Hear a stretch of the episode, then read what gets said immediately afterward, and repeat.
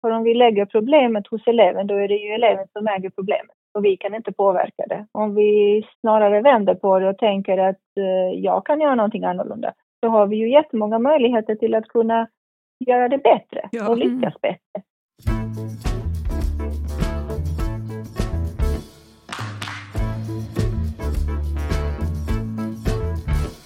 Välkommen till den här podden om högbegåvning med Mona Liljedahl, gymnasielärare i svenska och engelska, specialpedagog med erfarenhet från skolans alla hörn, författare, coach och föreläsare.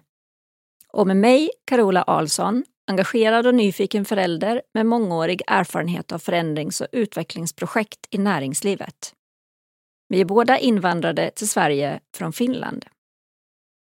Vi undersöker högt begåvade elevers väg genom skolsystemet och livet genom att samtala bland annat med verksamma inom skolan, myndigheter, forskare och föräldrar.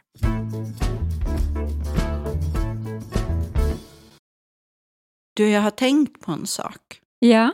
Vi ska ju prata med en rektor till en skola som eh, faktiskt har passerat eh, Skolinspektionens granskning gällande ledning och stimulans.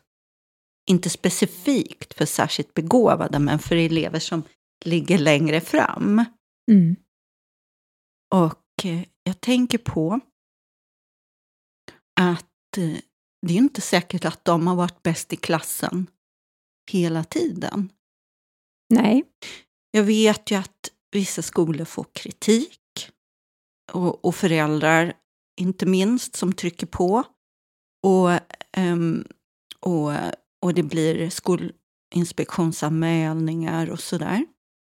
Jag tänker att man kan gott vara i botten ena dagen och sen jobba sig till toppen den andra dagen. Mm. Även inom det här området. Jag tänker också med personlig utveckling. Jag, jag tycker det är så förskräckligt jobbigt när man får kritik. Mm. Jag blir så knäckt av det. Men när jag har liksom brutit ihop och kommit igen brukar jag automatiskt liksom omsätta, använda kritiken till mina nya tag och tänka okej, eh, då ska jag göra det här eller då ska jag inte. Eller jag ser, då blir det mer som en information fast det fortfarande svider. Och jag tänker att i skolorna eh, som vi jobbar i, alltså vi har så många utmaningar. Mm. Och jag tänker på här i Stockholm eh, och många andra ställen också, storstäder och småstäder och allt möjligt, finns det mycket att ta reda på som hedersproblematik och unga killar som rekryteras till gäng Mm. mitt framför näsan på oss. Och ingen av oss har utbildning för det här. Nej. Så vi får ju liksom bygga den kunskapen medans vi flyger, så att Mm. säga. Mm. Som bygga ett flygplan medans man ska flyga över Mm. At- Atlanten. Mm. Och det här är ju samma sak. Ja. Så det ska bli intressant att höra om, om de var tipptopp, den här skolan, eh, redan från början. Eller om de har jobbat sig upp. Just det. Jag pratade ju med henne innan och hon berättar ju att de hade... Ja, alltså, jag har inga exakta siffror, men hon sa typ 38 procent gymnasiebehörighet för fem år sedan. Oh, wow! Och idag har vi 75 procent. My God. Ja, det här är, är alltså en lärorik historia. Väldigt. Och jag tänker... Ibland så, så vill man hitta de här bästa skolorna för särskilt begåvade och då börjar man titta på de här som har flutit på hela tiden. Men jag, jag tror att man ska titta på dem som eh, har varit på botten och kravlat sig upp. Mm. För de har verkligen behövt syna sig själva och sitt, sin Mm. organisation i sömmarna. Alltså. Mm. Verkligen. Mm. Och det, det är väldigt intressant. Så att om det är någon som jobbar på en skola eller som är rektor på en skola just nu där ni känner att det här går ju inte så himla bra med det ena eller det andra. Så, så skulle jag vilja säga att det kan vara det bästa utgångsläget att veta om det. Mm. Och um, sen att ta ett steg i taget helt enkelt. Precis. Och det är ju väldigt lätt att säga, men det är jättesant. Mm. Både på det lilla individuella perspektivet, alltså som person, individ, och på stora organisationsperspektiv. Mm. Och så har vi en katt som är väldigt leksugen här idag. Eh, hon blir så glad när du kommer hem till mig, Carola. Ja. Så hon eh, hoppar, har hoppat runt här och fnattat lite. Nu uppvaktar hon dig jättemycket, Carola. ja, hon är så söt. Ja.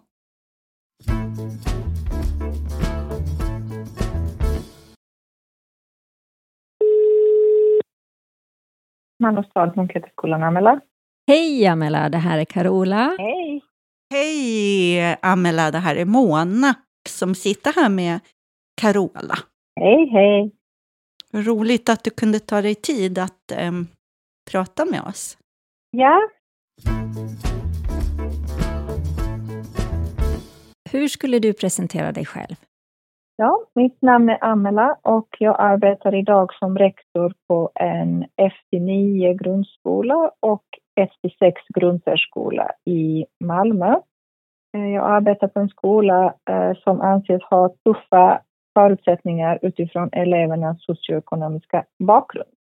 Jag har 700 elever totalt på skolan. Mm. Hur länge har du jobbat på den skolan?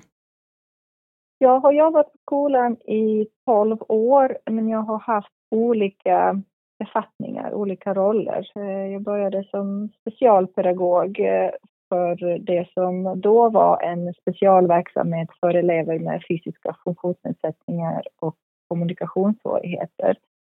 Och eh, blev eh, skolledare inom den verksamheten. Och under tiden så slogs de här två eh, enheterna ihop. Det blev ett rektorsområde. Och vidare så har jag varit biträdande rektor för mellanstadiet och nu är jag inne på mitt femte år som, som rektor för hela skolan. Okej. Ja, intressant bakgrund med tanke på att här vid bordet sitter ju också en specialpedagog. Ja. Mm. Så Mhm. utan planer på att bli em, rektor då. Nej. Jag beundrar verkligen de som vågar sig in i den branschen. Det är ett tufft uppdrag som blir tuffare och tuffare upplever jag som. Tänker du också så, Amela? Jag tänker också så och jag tänker att den specialpedagogiska kompetensen som man har in i rektorsuppdraget är eh, av stor vikt. Ja. Och det är ju, jag tänker idag ska vi ju prata om elevgruppen eh, eller elever som har kommit långt fram i sin Mm. kunskapsutveckling. Och de eleverna har vi ju faktiskt även i gruppen eh, nyanlända elever och hur når vi dem? Mm. Jag skulle vilja prata med dig hur länge som helst om det här. Inte minst för att jag, den skolan som jag nu jobbar på är eh, också eh, uteslutande bara barn från andra språk och andra kulturer. Mm. Och många nyanlända barn. Så det här, det här ligger mig så otroligt varmt om hjärtat. Så det är så roligt att höra. Mm. Får, får vi göra en ny podd om det? Ja, Ja, tack precis. så mycket. Tack. Ja, men det är bra. Kul. Men just den här podden idag då, så ska vi ju prata Mm. om att eh, Munkhätteskolan var ju en av de fem skolor eh, som inte fick anmärkningar i Skolinspektionens granskning Stimulerande undervisning för elever som ligger långt fram i sin kunskapsutveckling. Mm. Och vi, Mona och jag, vi har ju varit... Eh, det, det första som vi tänkte på när vi läste det här, det var ju oj, de där fem, de vill vi ju prata med. Och vi eh, tycker ju att det är så otroligt viktigt att lyfta upp vad är det som, vad är det som ni fem gör för någonting som de andra inte gör. Mm. Så att eh, vi, vi tänker att, att vi börjar lite grann med själva granskningen då. Att, eh, vad, vad tänker du om den? Hur var det att bli granskad i den här frågan? Ja, en granskning är ju alltid en granskning, men eh, vi välkomnade, eller jag välkomnade återkopplingen på olika delarna, inte minst för att både synliggöra framgångsfaktorerna men också identifiera eventuella utvecklingsområden. Mm. Och just den här granskningen tyckte jag var eh, väldigt gedigen för den omfattade ju alla nivåer i, i vår verksamhet. Mm. Eh, de pratade både rätt så länge med mig, så vi hade en två timmars intervju eh, med biträdande rektor, med första lärarna, med nyckelpersoner på, då på mellanstadiet, med det specifika arbetslaget. Eh, och sen träffade de ju två olika elevgrupper, eh, en, en grupp flickor och en grupp pojkar.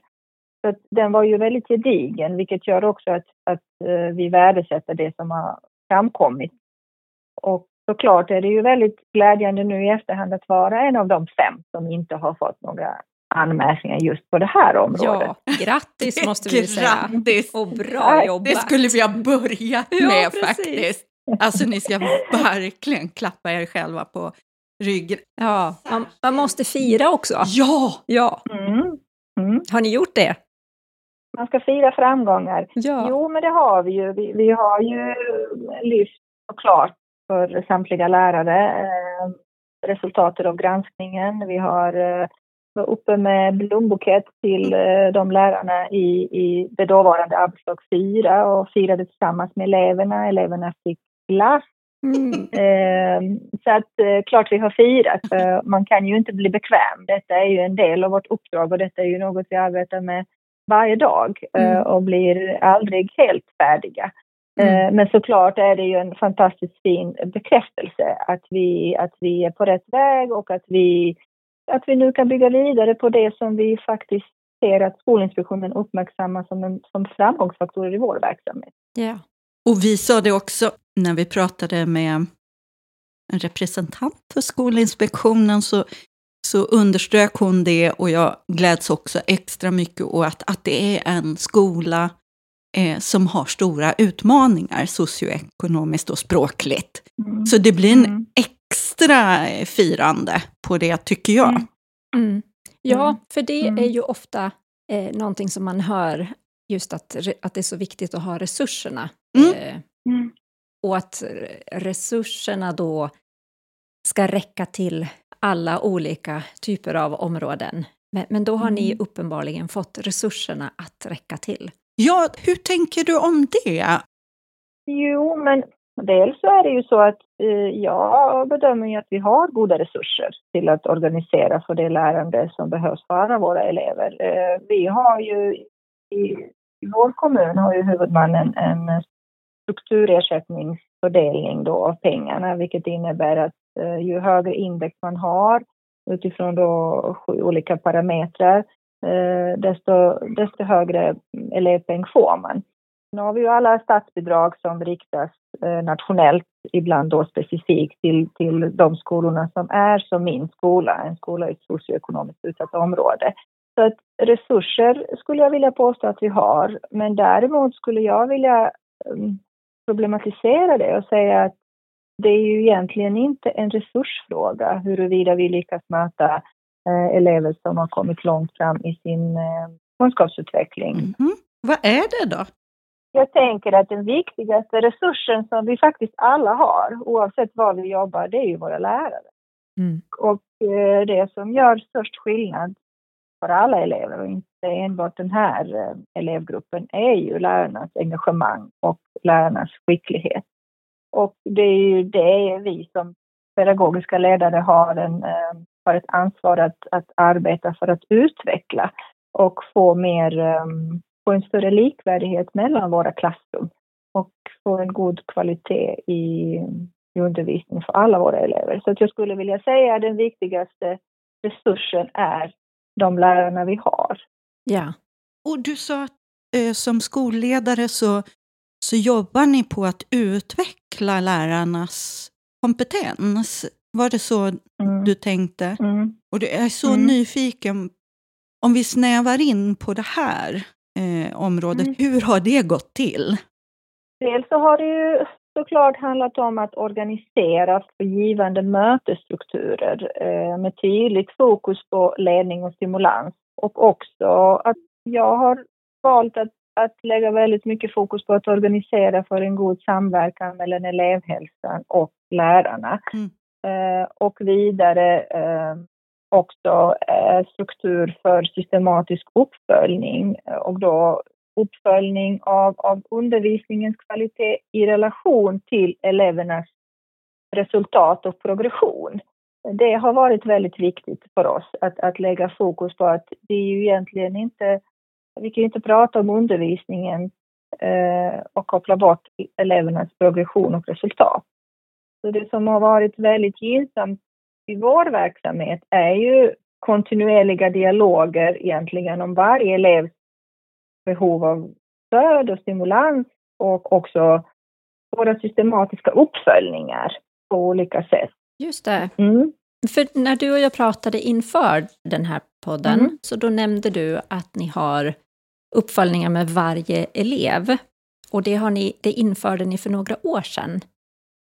Vi har uppföljningar på individnivå, ja, där vi var sjätte vecka, lärarna fyller i ett gemensamt eh, resultatdokument som då är färgkodat där vi har eh, röda elever som fortfarande inte har uppnått betygskriterierna, de gula eleverna som är på väg, gröna som just nu ligger på en förväntad nivå och de blåa eleverna som har kommit eh, längre.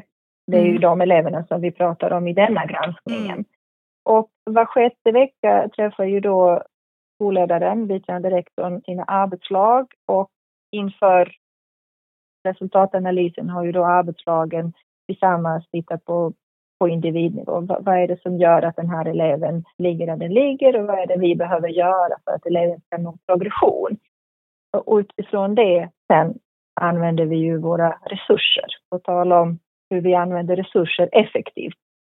Det är ju det, är ju nog det som jag tror har gjort att vi har eh, att man nu från Skolinspektionens sida också bedömer att vi har lyckats. Mm.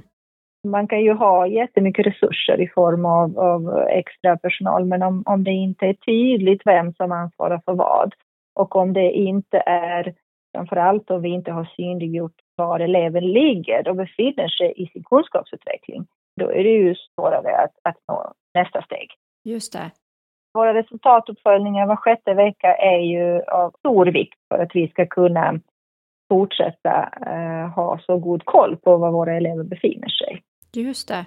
När sa du att ni började med det, den, det här systemet? Eh, vi har jobbat med det i fyra år, tre år. Mm. Och de här eleverna som har blå flaggning då, mm. var det i och med att ni började med den här metodiken som ni upptäckte de här eleverna, eller har ni upptäckt dem innan också? Nu kan jag inte tala om hur det var innan jag hade rektorsansvaret här, eh, men vi har nog mer systematiskt gjort det nu. Att vi faktiskt tittar på vilka elever som behöver ledas och vilka som behöver stimuleras och vilka som behöver utmanas. Vi har alltid jobbat för att möta varje elev, det är ju det som är uppdraget. Och när vi började med våra resultatuppföljningar så skulle vilja egentligen säga att allt vi gör handlar ju om att möta eleven, individen, i var den befinner sig i sin kunskapsutveckling. Mm. För vi är ju, uh, vår skola jobbar vi ju inte så mycket med att gruppera eleverna. För att även denna gruppen elever är ju, det är ju inte en homogen grupp. Nej. Elevgruppen nyanlända är ju inte heller en homogen grupp, utan där behöver vi ju verkligen uh, ta fram och se vad är det som eleven behöver, var den befinner sig och hur ska vi då kunna nå progression. Just det. Så, som svar på din fråga, ja, vi har alltid jobbat med det, men vi har systematiserat det mm. mer genom att vi har infört då, ja, en struktur för systematiska resultatuppföljningar. Just det. Då, jag tänker på det här som Skolinspektionen säger är en framgångsfaktor just det samverkande pedagogiska ledarskapet. Mm. Jag, jag, tänker, det här är ju en sak, den här metoden som med era individuella uppföljningar, men hur, hur har ni skapat det här samverkande pedagogiska ledarskapet utöver det som vi pratar om just nu då? Jag tänker att vad är det viktigaste man gör som ledare? Jo, man ska sätta upp gemensam riktning och man ska styra prioriteringar och fatta rätt beslut. Men Jag tänker det är ju en viktig del, för när jag tog över som rektor var ju detta en skola som redan då var på en förändringsresa skulle jag väl vilja påstå. Eh, där man 2016 var faktiskt Munklätteskolan en av de tio skolorna som hade sämst resultat. Mm. Där vi hade 44 procent elever som kom vidare till gymnasiet.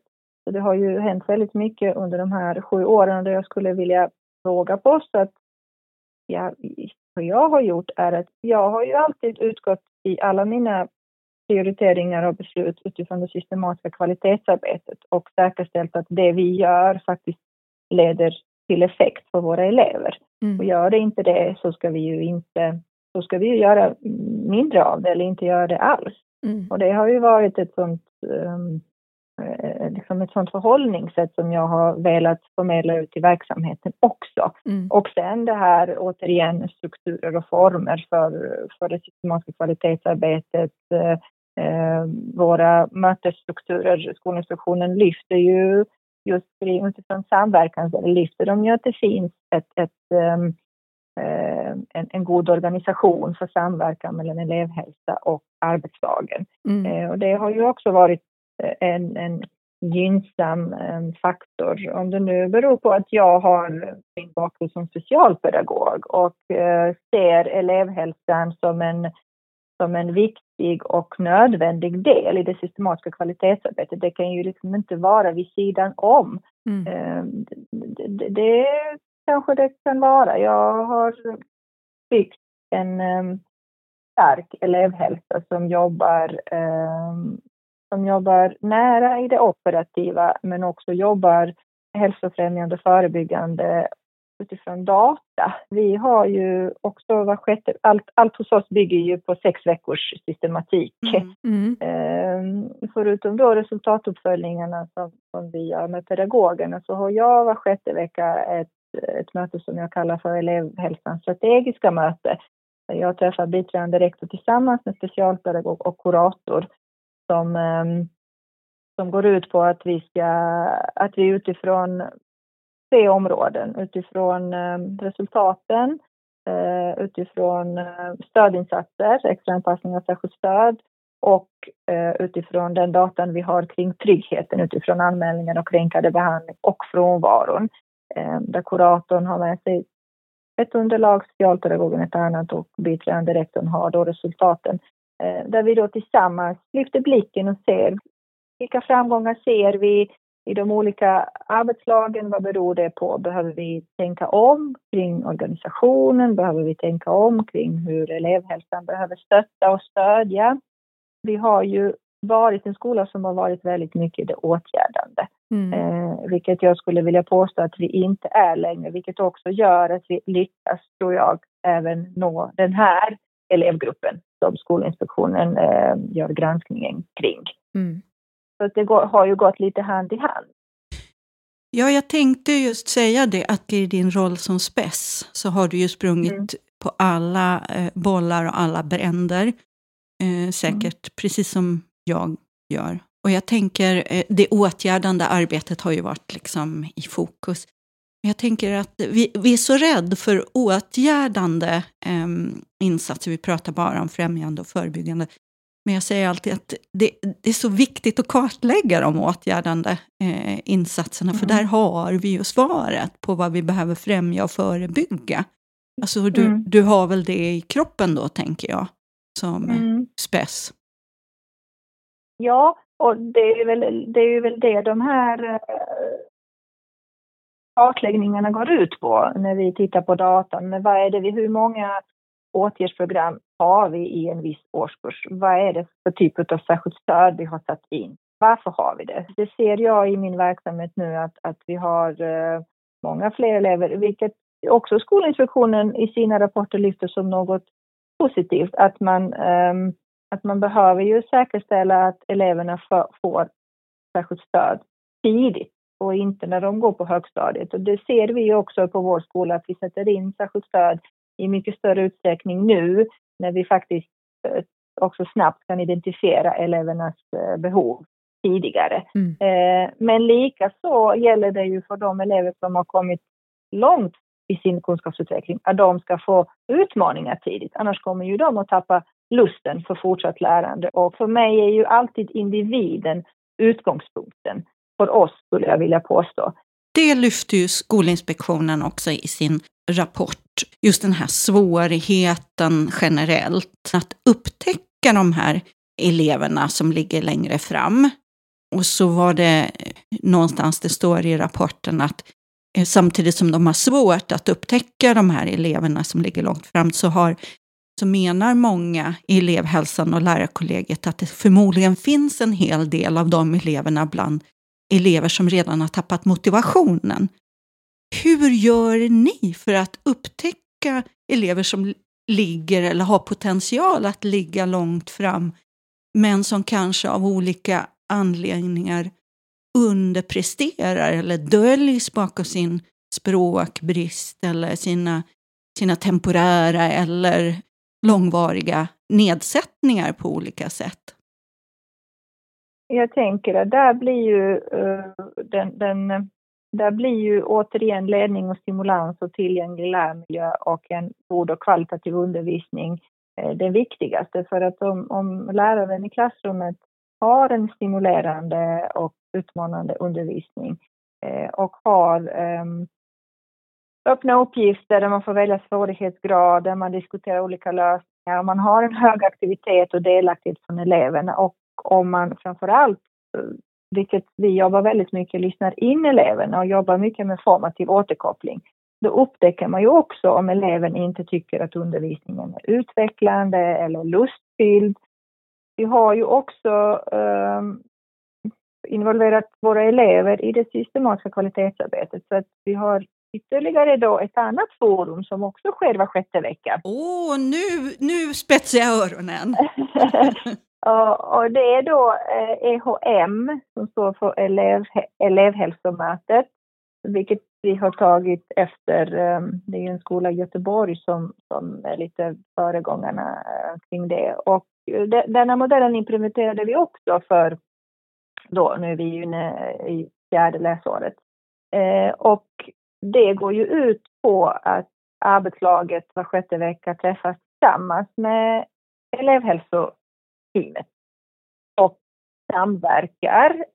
Själva mötet går ju då ut på en eh, väldigt given och tydlig mötesmodell som handlar om att man, eh, eller arbetslaget lyfter ett nuläge utifrån våra prioriterade utvecklingsområden. Eh, just nu jobbar vi med språk och kunskapsutvecklande arbetssätt.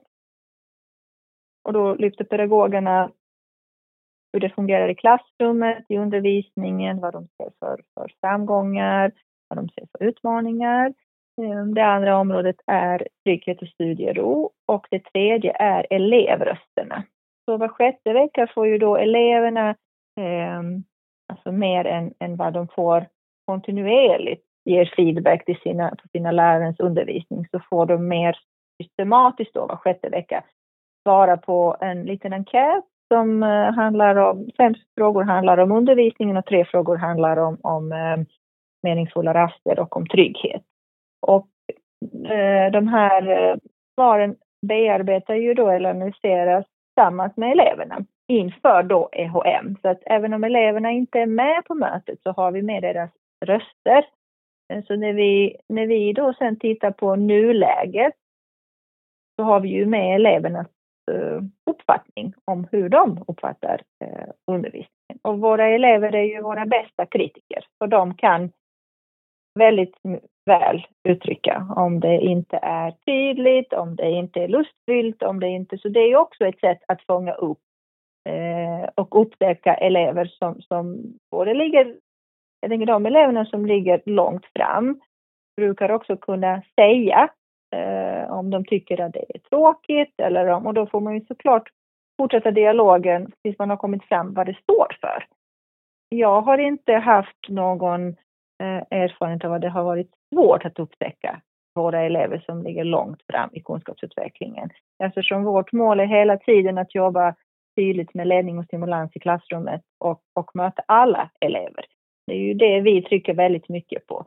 Sen har vi ju såklart eh, vårt mål är ju att, att jobba för en likvärdighet, att få till det arbetslaget som, eh, som var med just i den här granskningen, är ett arbetslag som dels har jobbat länge på skolan, har, har eh, varit med i alla implementeringsprocesser, eh, också har ett eget, alltså har en, en, en välfungerande, välfungerande samarbete mellan och är väldigt samspelta. Eh, för de undervisar ju i alla tre klasser, alla tre lärare. Ehm, så det är ju något som vi strävar efter att få till i samtliga arbetslag. Och det är ju klart att det kommer nya medarbetare, behöver man ju sätta sig in i skolans struktur och vi blir ju aldrig färdiga. Men, men EHM är ju ett, ett av forumen där vi också har möjlighet att fånga upp hur våra elever faktiskt upplever vår undervisning. Ehm, och det är också ett, ett, en modell som möjliggör för samverkan mellan elevhälsa och ehm, skolpersonal som har varit väldigt givande i vårt arbete. Jag brukar säga som specialpedagog att eh, leda ledare, det vill säga lärare, eh, det är som att valla katter. Alltså, eh, vi är ju ehm, egensinniga och alla våra eh, uppfattningar om vad man bör och inte bör göra. Eh, hur, hur vallar du? What's your secret? Jag har ingen secret, mer än att jag är väldigt tydlig ute i verksamheten att allt vi gör, gör vi för att vi ska skapa varje elevs bästa skola. Mm. Eh, alla våra beslut, alla våra eh, ledargärningar, både som ledare och som lärare och ledare i klassrummet, handlar om att eh, förbättra undervisningen tillsammans och eh, eh, nå, nå de eleverna vi har i klassrummet. Och vi utgår, mitt, mitt mål är att, att jag ska ha all skolpersonal som alltid utgår ifrån elevens behov och inte utifrån elevens beteende. Det är ju det vi också har jobbat väldigt mycket, att, att någonstans komma till den här relationella, eh, det relationella förhållningssättet, att det är ju alltid vi som kan göra något annorlunda för att möta eleven. Det är ju inte eleven i sig som äger utmaningen. Om, om det så är en elev som ligger långt, långt ifrån mm. uh, i sin kunskapsutveckling eller en elev som ligger långt fram och, och, och, behöver utmanas. Det är ju alltid vi som behöver, så det, det är kanske min um, secret. Ja. Nu får jag, håren reser sig på armarna ja. för mig här. Mm. Ja, och det, det är ju inte rocket science, det borde ju vara självklart. Men man tappar nog bort sig ganska lätt i um, alla krav och Ja, och det gäller ju någonstans att bygga en organisation där man, där man tar ett, både ett gemensamt och ett individuellt ansvar för att varje elev på vår skola ska nå, ska nå en progression och det resultat som de, som de kan utifrån sina förutsättningar och utvecklas både socialt och kunskapsmässigt. Eh, och där är det ju allt det som vi egentligen har pratat om, både den gemensamma riktningen och det systematiska kvalitetsarbetet och fokuset på det till uppföljningen. Resultatuppföljningarna, elevhälsomöten, eh, kvalitetsdialoger som biträdande rektorer håller två gånger per läsår med, med varje pedagog. Som då går ut på att eh, efter att vi har satt upp ett utvecklingsområde ska vi kompetensutvecklat personalen så ska det ju synas i undervisningen och i, i, i elevernas resultat. Och då har vi ju verksamhetsbesök och därefter kvalitetsdialoger som utgår ifrån hur ser resultaten ut i den här elevgruppen? Vad är det jag ser när jag är ute i din undervisning? För att också kunna sätta in eh, stöd för våra pedagoger. För att vi har ju pedagoger som har jobbat, eh, vi har ju de som har jobbat här i, i många, många år flera decennier och vi har mm. pedagoger som är nyutexaminerade. Som, mm. som, som, som ny lärare är det ju en utmaning att mm. komma och möta en klass där man kanske behöver eh, ja, men man be ledning och stimulans och god kvalitativ undervisning är ju inte alltid så enkelt. Man behöver ju kunna differentiera undervisningen. Så att det är ju inte ett spår man kan ha, man måste ju jobba med de olika delarna skulle jag vilja säga för mm. att någonstans kunna komma dit vi ändå anses ha kommit. Att vi är, som ni var inne på, en skola med tufft område Mm. som Mm. ändå lyckats vara en av fem som faktiskt även möter de elever som har kommit långt fram i sin kunskapsutveckling. Mm. Jag blir ju lite... Det är så sällan i en väldigt hård skolsituation, eh, situation, och då menar jag nationellt, som man hör att man jobbar så samsynt på något vis och passionerat för samsyn och samverkan och det relationella. Och, och återigen, jag, jag tror inte att det är en slump att det kommer att ur en miljö med stora brister. För då har man, vet man om att man behöver try harder, då gör man det också. Man vilar inte på lagrarna. Nej, och vi, en sak som vi också pratar väldigt mycket i vår verksamhet om är ju att det är ju, det är ju vi som kan vår profession. Det är ju våra lärare som, är, eh, som kan undervisning. Och det är ju faktiskt så att vi har eleverna majoriteten av deras tid. Det är ju ingen annan som kan göra Mm. vårt jobb. Mm. Det är ju bara vi som kan påverka och det är ju faktiskt bara vi som kan ehm, jobba fram ett, ett, ett långsiktigt arbete med, med, med just det här att ja, kontinuerligt följa upp hur det går för våra elever och stanna upp när det inte går som det ska och titta på oss själva. Behöver vi göra någonting annorlunda? Den har varit väldigt viktig, att allting börjar ju hos en själv. Mm. Om det sen är hos mig som ledare eller, eller mig som läraren i klassrummet för att kunna möta den enskilda eh, individen. Just. Åh, vad fint. Stanna upp. Jag skriver upp det här. Stanna upp och, och titta på oss själva. Känns som en nyckelfras Mm. faktiskt. Jag tänker varför Mona och jag sitter här och blir lite rörda, det är ju också för att vi, vi, vi har ju deltagit i många föräldraforum och diskussioner där det finns så många exempel på att man inte gör det, utan man snarare lägger alltså problemet hos eleven. Mm. Och, och då blir det ju väl, väldigt tungt. Så därför är det så skönt att höra när du berättar, Amela.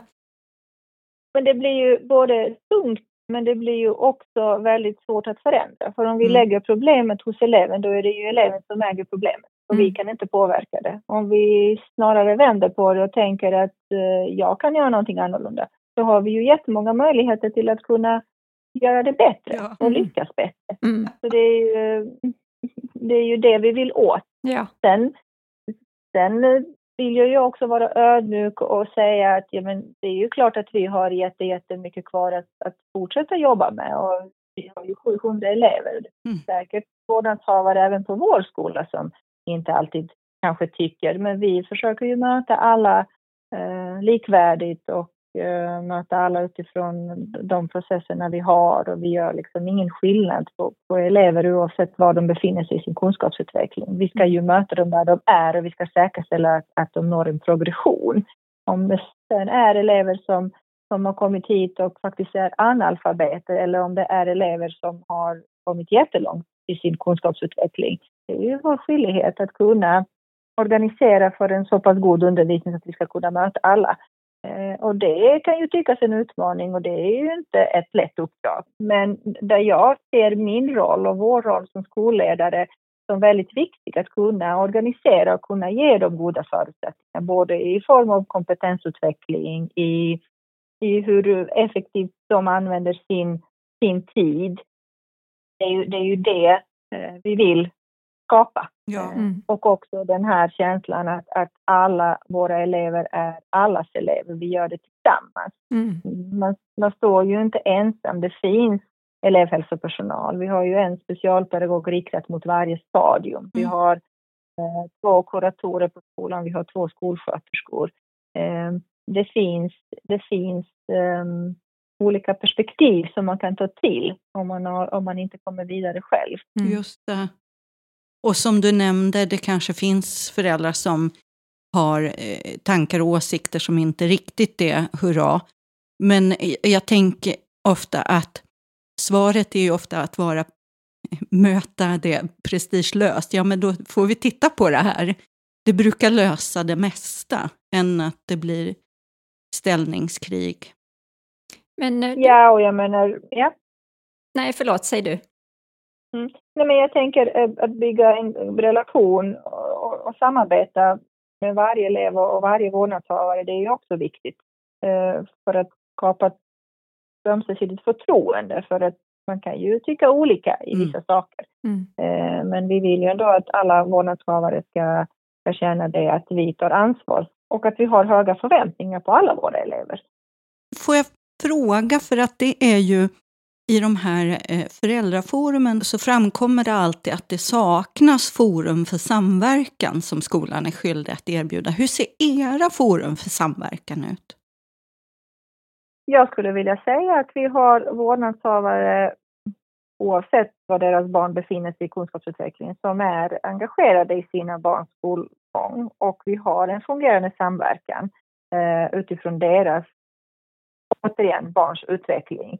Eh, vi har inga andra samråd eller andra större forum med vårdnadshavarna förutom då frekventa föräldramöten som lärarna håller i och sen eh, i förskoleklass har vi ju, mm, alltså i övergång, alltså när det kommer nya stadier har vi ju lite större forum. Um, men vårdnadshavare upplever jag har väldigt god tilltro till oss, till att vi faktiskt uh, gör uh, det vi ska för deras barn. Um, och där gäller det också att möta vårdnadshavarna i deras frustration ibland, att möta dem i, i deras ja, kommunikation. mm. Men jag upplever generellt och vi som skolledning upplever att vi har en god, en god och fungerande sam, samverkan med vårdnadshavarna. Och hur går dialogen till? För det här brukar vara en knäckfråga och jag ger ju råd till föräldrar. Jag jobbar inte mot föräldrar men jag kan ju rådgöra med dem och när det riktigt kör fast sig så säger att ni måste vända er till skolledningen. En ensam enskild lärare kan inte liksom, har inte mandat att göra stora förändringar eller ingrepp sådär. Hur ser det ut hos er, eh, flödet, alltså när föräldrar förmodligen pratar med mentorn först och vad händer sen? Ja, såklart alltid med mentorn först. Mm. Mentorn är ju den som, som kan elevens utveckling och hela situationen eh, alltså i möjligaste, alltså så, i största mån. Eh, skulle det vara sen att mentorn behöver stöd så finns alltid skolledningen. Vi är en väldigt tillgänglig skolledning skulle jag vilja påstå. Eh, och väldigt snabba på att eh, återkoppla till vårdnadshavarna eller boka in möten om de så önskar eller ta emot dem om de står här på morgnarna, vilket kan hända ibland. Eh, att vi, vi, vi ger oss tid till att möta våra vårdnadshavare för att det är ju A och O, samverkan mellan skola och hemmet oavsett återigen var barnet befinner sig i sin kunskapsutveckling är ju en, en, en, en väldigt viktig förutsättning för att det ska kunna gå bra. Sen är det ju att hålla sig till de, ehm, till de processerna som vi alltid gör. Är det så att det skulle vara att vi ser att en elev inte utvecklas och att vårdnadshavarna upptäcker det, ja då, då, då har man ju en, en tydlig gång utifrån eh, pedagogisk kartläggning och eh, vidare eventuellt utredning kring en elevs behov av stöd. Mm Eh, där hela elevhälsan involveras och att det finns en systematik för hur den ärendegången går till. Där arbetslaget eh, återigen är det första steget behöver fundera. Hur har vi organiserat i lärmiljön? Vad är det vi har provat och inte provat? Hur har vi, hur har vi organiserat för en god undervisning? Eh, och sen vilka extra, eventuella extra anpassningar. Så att och där är ju vårdnadshavarna alltid involverade. Inte minst nu utifrån de nya reviderade allmänna råden som vi precis hört nu innan lovet har um, lyft med arbetslagen uh, och vikten av att involvera vårdnadshavarna även i ett tidigt skede. Jag funderar på det här som, som du var inne på nu, Amela, eh, angående eh, ja, men extra anpassningar eller olika åtgärder. Har ni något systematiskt eh, samarbete mellan stadier eller har ni något samarbete med något gymnasium eller kanske universitet eller hur ser det ut? Mm, nej, inte något systematiskt samarbete så, men vi har eh, då kommit så långt har man tyckt från Malmö universitetet så att våra specialpedagoger har faktiskt är inbjudna gäst, stående gäster på specialpedagogprogrammet och föreläser just kring eh, det förändringsarbetet vi har gjort kring elevhälsoarbetet och de här eh, elevhälsomötena som jag pratade om innan. Ah. Eh, skulle väl kanske inte vilja kalla det för ett samarbete som, som gynnar oss, men det gynnar ju oss på så sätt att våra specialpedagoger blir ju bekräftade och lyfta och få, få med sig eh, nya input. Mm. Och sprider ert arbete, för det måste ju spridas. Absolut, mm. absolut. Mm. Så det, det, kan jag väl skryta lite om. Det tycker absolut. jag gott du ska göra. Mm. Fantastiskt att de blivande spetsarna får med sig någonting ut i praktiken.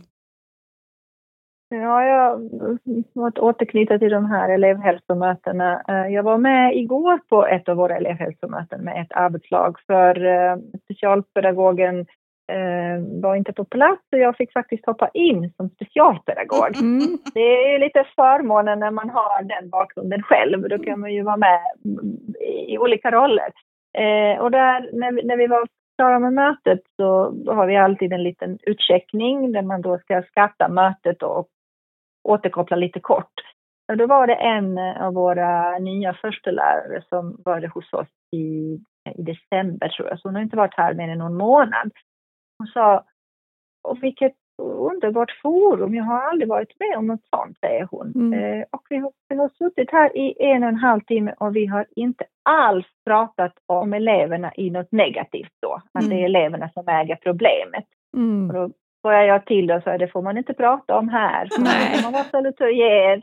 Och här utgår det ifrån vad vi kan göra.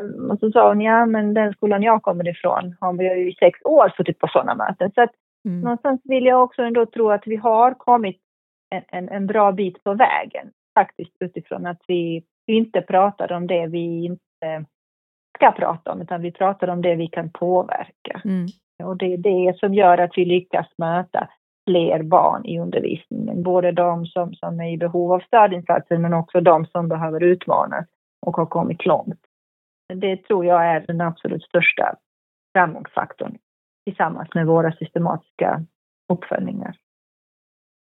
Ja, man blir varm eller det blir helt fantastiskt att höra.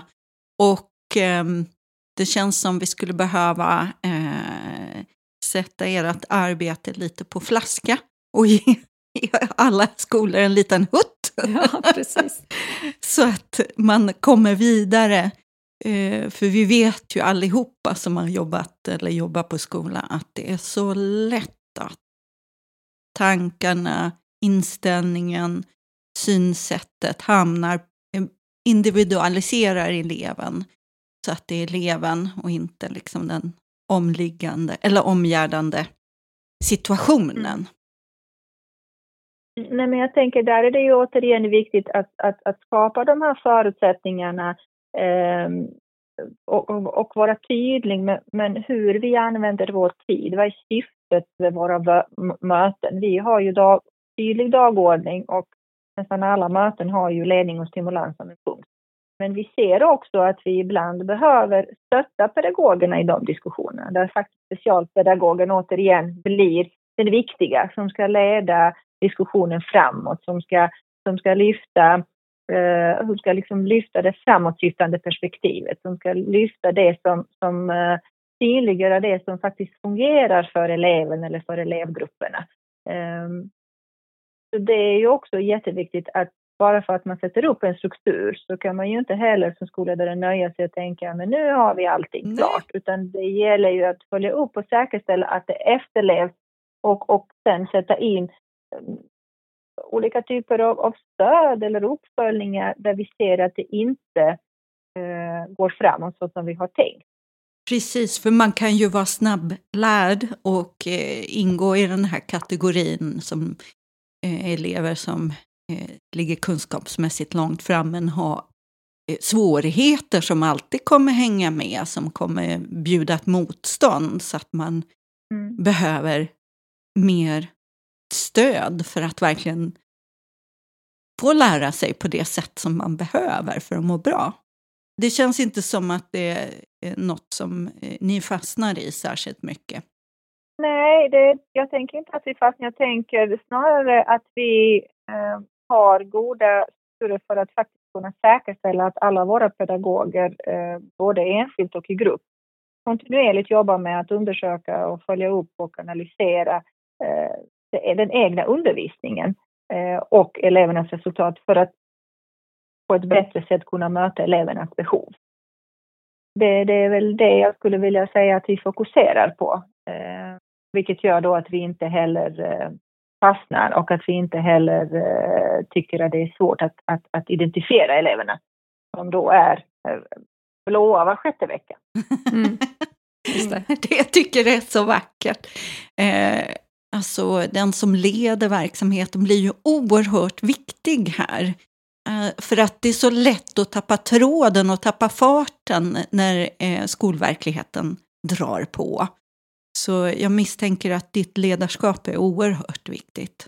Det är väldigt viktigt att som skolledare alltid ha blicken och riktningen långt fram Mm. och inte låta de akuta och eh, åtgärdande delarna, som är ju såklart en del av vår vardag, Mm. att inte låta dem ta över. Att inte låta energin... Det tar ju energi när det är eh, tuffa elevärenden. Såklart förekommer ibland och ibland måste man vidta disciplinära åtgärder och allt som hör vardagen till. Men det är ju något som ska hanteras eh, utifrån individen och inte något som ska vara fokuset i organisationen. Just. Så vi är också väldigt noga med att prata om eh, informationsflödet. Vad är det vi behöver veta? Behöver alla veta allt om en elev? Vi pratar mycket om elevens integritet. Mm. Eh, vad, är det, vad är det vi behöver delge varandra för att kunna, för att kunna möta eleven i, den, i, den, eh, i det uppdraget vi möter dem? Jag som rektor behöver inte heller veta allting om eleverna ibland. Ja. Eh, så att det, det är ju jätteviktigt att man som rektor inte har fokus och synliggör de delarna, det vill säga det åtgärdande och det, och det akuta. Eh, utan att man har blicken och riktningen framåt. Och blicken och riktningen har vi på att skapa varje elevs bästa skola för varje elev på den här skolan. Så absolut är man som skolledare viktig och i mitt fall leder jag ju den här skolan tillsammans med fyra biträdande rektorer.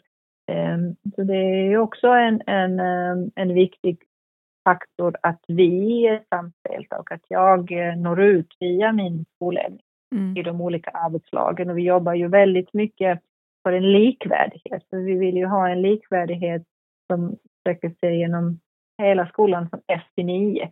Vi inte ha tre skolor på en skola och därför har vi ju de olika processerna också. Vi leder ju för att möjliggöra en samverkan mellan stadierna för ett lärande mellan lärarna i olika ämnesgrupper på olika stadier. Våra första lärare är en, en väldigt viktig grupp och där, där träffar vi dem veckovis tillsammans. Eh, inte stadievis utan i ett efter nio perspektiv. Och de är ju viktiga agenter ute i vår verksamhet. När du och jag pratade lite grann inför den här, det här samtalet, eh, då, eller om det var att vi mejlade, så skrev du att du gärna skulle ha med dig en kollega. Nu blev det inte så rent tekniskt, men jag tänker, eh, var, var det en av dina biträdande som du hade i åtanke då, eller hur tänkte du då? Nej, det var faktiskt inte det. Det var faktiskt en förstelärare som, som eh, har varit med i den här tematiska granskningen. Mm. Eh, inte för att han är i sin roll som förstelärare utan i sin roll som eh, någon som kan föra eh, arbetslagens tankar kring deras arbetssätt. Ja. Mm. Jag tänker att det beror ju på lite grann hur, hur vi tänker här framåt. Men det hade ju varit intressant att lyssna Åh, in honom också. Mm. vi kanske får anledning att återkomma och kanske behöver göra ett studiebesök känner jag att jag är väldigt mm. sugen på. Välkomna! Ja, vad roligt! Ehm, För det behövs ju goda exempel. För det här är ju ett område som vi i Sverige är, ja men vi sackar efter helt enkelt. Mm. Så att vi, alla goda exempel är av godo. Verkligen. Mm. Och då tänker jag så här, Amela, eh, har du blivit kontaktad av eh, många eh, tidningar och tv och, och allt möjligt nu när ni har fått så bra resultat i den här granskningen? Nej, faktiskt inte. Det Nej. har inte. Nej, det Mm. har jag faktiskt inte. Nej. Eh, nej, men jag tänker Skolinspektionen gör ju en del sådana här eh, tematiska granskningar om året, så att ja. Ja, ja, nej, inte, inte så mycket faktiskt. Nej, och det tycker jag är lite märkligt. Det här tycker jag borde uppmärksammas. Eh, Det fanns ju någon sån här initiativ ett tag, eh, så här positive news, istället för- som en motvikt mot allt eh, negativt Mm. skitflöde alltså Mm. på nyheterna. Mm, Men det fick inte heller någon genomslagskraft. mm. Det kanske är Nej. bara så människans natur. Ja, Mm. precis. Ja, men vi får väl kanske tipsa Ja. Skolvärlden och Ja. Lärartidningen och de Och här. gud, ja. Alltså det här behöver ju komma fram. Mm. Och, och hur, på den, eh, on that note som det heter, så hur går ni vidare efter en sån här succé? Ja, vi, vi jobbar på som vanligt, höll jag på att säga. Nej. Men, men såklart, vi fortsätter arbeta för, eh, jag tycker Skolinspektionen eh, bekräftar ju oss i sin, i sin granskning. Mm. De lyfter ju det som vi själva också har sett som framgångsfaktorerna. Får vi ju lite mer, eh, eller lite, rätt så mycket bekräftat. Vilket ju utifrån ett skolledarperspektiv och ett rektorsperspektiv är väldigt eh, väldigt givande att ha med sig. Eh, Jag brukar säga och skämta till ibland att det är ju inte jag som säger det, det är Skolinspektionen som tycker och bedömer så här. Eh, Så man kan ju också bli rätt så subjektiv när man ska, när man ska granska sin egen verksamhet. Mm. Eh, Så på så vis är det ju absolut något som har gynnat oss och kommer att gynna oss framöver. Eh, Och vi fortsätter jobba för att skapa en, en, en likvärdighet och för att sprida framgångsfaktorerna som har belyst i den här granskningen. Eh, både på vår skola och med alla nya lärare som kommer till oss. Eh, och vi vill såklart göra mer av det som fungerar Mm. eh, och det som vi har blivit bekräftade i. Så Mm. det är väl så vi, vi tar det vidare. Mm. Ja, det låter strålande. Och det vore roligt som sagt om ni fick bli ett eh, litet flaggskepp att eh, ta rygg på i Mm. den här frågan. Ja, för inte bara eh, granskningen utan eh, ni har ju också vänt det här. Du nämnde att ni hade 44 procent som var gymnasiebehöriga. 2016 var det va? Just det. Och hur många är det idag? Eh, nu till jul hade vi eh, 72 procent Ja. eh, gymnasiebehöriga och den kommer ju öka eh, nu här fram till sommaren. Sen har ju vi också, eh, jag sa ju innan, jag är inte glad för att prata om, om, om, om vilka utmaningar och vilka förutsättningar vi har. Vi har rätt så goda förutsättningar i form av resurser, men vi har också eh, vi har också en elevomsättning som ligger på lite drygt 17 procent, vilket är rätt så högt. Eh, eller faktiskt väldigt högt, eh, vilket, vilket man också behöver ha i beaktande. Att fast vi har en elevomsättning så lyckas vi ändå möta Mm. eleverna. Eh, vi ser också att vi har högre resultat för de elever som har gått hos oss i minst tre läsår än de som har kommit. Så det är också ett, gott tecken på att, eh, och det vet vi också, kontinuitet ger ju eh, också ett ökat lärande. Mm. Mm, så ja, vi har ju legat stabilt under de senaste fyra åren på en måluppfyllelse. Ja, på 65, mellan 65 och, och uppemot 80 procent har vi haft ett läsår. Det beror ju på lite grann vilken elevgrupp man har, hur många nyanlända elever som vi har som har kommit just på högstadiet. Det är ju en grupp elever som är eh, stor på vår skola så att eh, det har vi ju också. Mm. Men eh, vi har som mål att ligga där. Ja. 75 procent och inte lägre i alla fall. Mm. Ja, det är fantastisk bedrift, dubbel bedrift Mm, verkligen. faktiskt. Vad, ser du att ni har för eh, utmaningar då förutom den här elevomsättningen? Ja, men utmaningarna är ju att, att hålla i, att hålla ut. Eh, mm. Vi vet också att um, både, både skolledare och lärare stannar ju inte jättelänge på, på skolor med socioekonomiskt utsatta områden. Mm. Um, och en annan utmaning är ju att, att säkerställa att alla nya som kommer snabbt kommer in i de strukturerna vi har. Att det utvecklingsarbete som, som vi har gjort under de senaste åren som har varit fokus på ledning och stimulans och, och tillgänglig lärmiljö och nu under detta läsåret språk och kunskapsutvecklande arbetssätt, att det eh, verkligen får fäste i alla våra klassrum, mm. eh, oberoende vilken pedagog. Det är ju en, en fortsatt utmaning. Mm. Eh, vi är ju en treparallellig skola med 700 elever. Eh, mm. Så det, är ju, det är ju många lärare som vi ska ha med oss på mm. tåget. Många katter. mm. mm. Precis. Om du skulle få eh, önska fritt som skolledare, eh, och då tänker jag så här, förändring av skolsystemet, skollagen eller styrande dokument? Eller har du några önskemål som du tror skulle kunna göra skillnad för det svenska skolsystemet? Oh, det var en, eh, en avancerad fråga, skulle jag väl vilja säga. Du kan få ta den med dig och tänka på den. Ja, ja det, det kan jag faktiskt, det kan jag faktiskt göra. Mm. Men det känns som att du trots att skolan som system eller biotop har mycket kvar att eh, utveckla och många brister så känns det ändå som att du har hittat ett sätt att orientera inom ramarna för ja, systemet så att säga. Och det skulle fler behöva göra. Det är lätt att fastna i, det funkar inte, det funkar inte. Jag, jag tänker precis, och det är ju lite det som är kanske min ledstjärna, mm. att, att, lägga energi på det man inte kan påverka. Jag kan ju, jag kan ju önska, du frågade innan om jag hade önskat, jag, jag skulle kunna önska jättemycket såklart, men vad jag önskar kanske inte tar, um, aldrig blir verklighet, eh, eller så tar det många år. Just nu verkar vi i det som är de nationella målen som finns, de styrdokumenten som vi har, de politiska målen som jag har att förhålla mig till utifrån min huvudman. Ehm, de resursfördelningarna som, som jag får till mig, det är ju det jag har att förhålla mig till. Det är ju yttre faktorer som jag egentligen faktiskt inte kan påverka. Men det jag kan påverka är ju hur jag leder i min verksamhet. Mm. Hur jag, vad, jag, eh, vad jag sätter eh, fokuset på, vad jag följer upp, eh, vad jag värdesätter.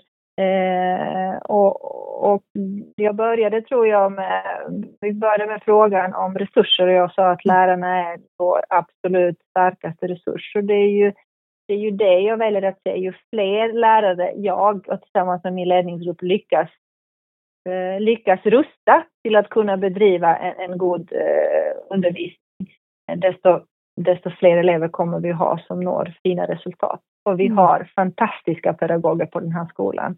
Det, vill jag, det vågar jag verkligen påstå. Att vi har många, många skickliga pedagoger som både har engagemang, mm. som, som, eh, som, som hela tiden tittar och identifierar eh, utvecklingsområden i sin egen undervisning för att kunna möta sina elevers behov på ett bättre sätt. Så att, eh, det är det jag kan fokusera på, det är det jag, det är det jag tänker att jag kan förändra. Mm. Det är ljuv musik, Amela. Återigen, vi skulle behöva sätta dig på flaska och ta en hutt varje morgon. Precis. ja. Eh, hörni, tiden eh, rinner iväg här. Ja, det är så roligt att prata så ja. med dig. Så att, mm. Eh, det som jag ytterligare också är nyfiken mm. på det här med hur eh, samarbetet med huvudmannen fungerar och eh, vad huvudmannen har för förhållningssätt till mm. eh, till just de här eleverna? Vi var faktiskt med, jag och en av mina andra förstelärare, den här stora konferensen som heter Skolriksdagen. Mm, ja. För två år sedan, det var när det var covid, och då fick vi göra det digitalt. Då blev jag tillfrågad faktiskt att prata om, inte just utifrån den här elevgruppen, men utifrån eh, huvudmannens systematiska kvalitetsarbete. Hur möjliggör det för mig som rektor att, att lyckas nå högre måluppfyllelse för mina elever. jag, jag tror inte det avsnittet finns publik. Men eh, det, var, det var också intressant. Ja. Då pratade vi ju mycket om, ja, ja jag skulle kunna prata mycket om Ja, det, för jag tycker att vår huvudman har bedrivit ett, ett väldigt fint systematkvalitetsarbete som, som för mig har varit ett stöd. Det tycker ju inte alla rektorer. Nej. Ibland kan man ju tycka att det blir lite konkurrerande, alltså att man har de nationella målen och så har man dem. Men jag tycker vi har haft ett väldigt fint arbete under de senaste nio åren i, i vår förvaltning Mm. och byggt fram ett, jag refererar till eh, varje elevs bästa skola. Det är vår, det är Malmö stads ramverk kallar vi det för, eh, som eh, har riktningen varje elevs bästa skola. Just det.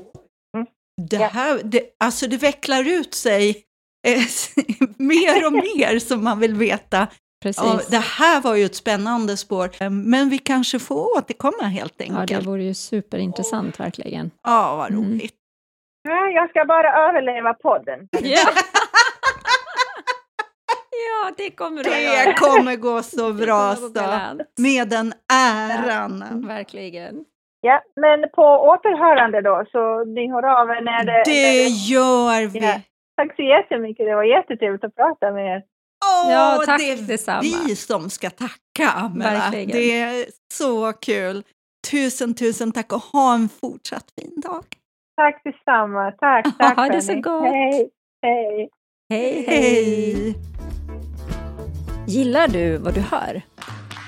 Följ oss gärna i sociala medier. Sök på Begåva eller Begava. Där kan du också komma i kontakt med oss. För mer information om Monas böcker och kurser eller för att boka coaching eller en föreläsning besök webbsidan begava.se. Gillar du musiken? Mona ligger bakom den också tillsammans med sitt band Obsona som du hittar på Spotify. Det stavas med Z. Vi hörs snart igen.